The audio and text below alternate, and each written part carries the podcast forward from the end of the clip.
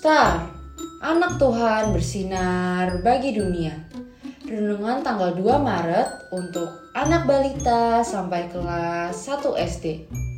Tuhan menghargai dari Markus 14 ayat 6b. Ia telah melakukan suatu perbuatan yang baik bagiku. Ih, kenapa sih dia main rebut aja? Ih, sebel, sebel, sebel. Gerutu Bintang. Pak, kayaknya Kak Bintang lagi kesel deh. Tadi aku lihat dia ngomong-ngomong sendiri, kata Mentari pelan sambil mencolek papa.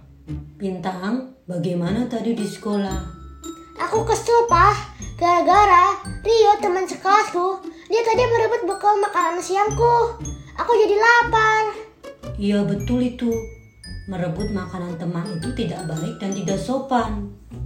Tapi menurut Bintang, Bintang sebaiknya bersikap bagaimana? Hmm, aku semestinya bilang baik-baik saja sih. Merebut makanan itu tidak sopan. Itu membuat orang lain gak suka padanya. Wah, Papa bangga pada Bintang. Bintang betul sekali. Pah, besok aku akan bawa dua kotak bekal makan siang ya. Untuk aku dan untuk Rio. Siap, besok Mama akan siapkan dua kotak bekal makan siang untuk Bintang dan Rio. Iya, Mah. Pah, makasih ya. Kak Bintang hebat!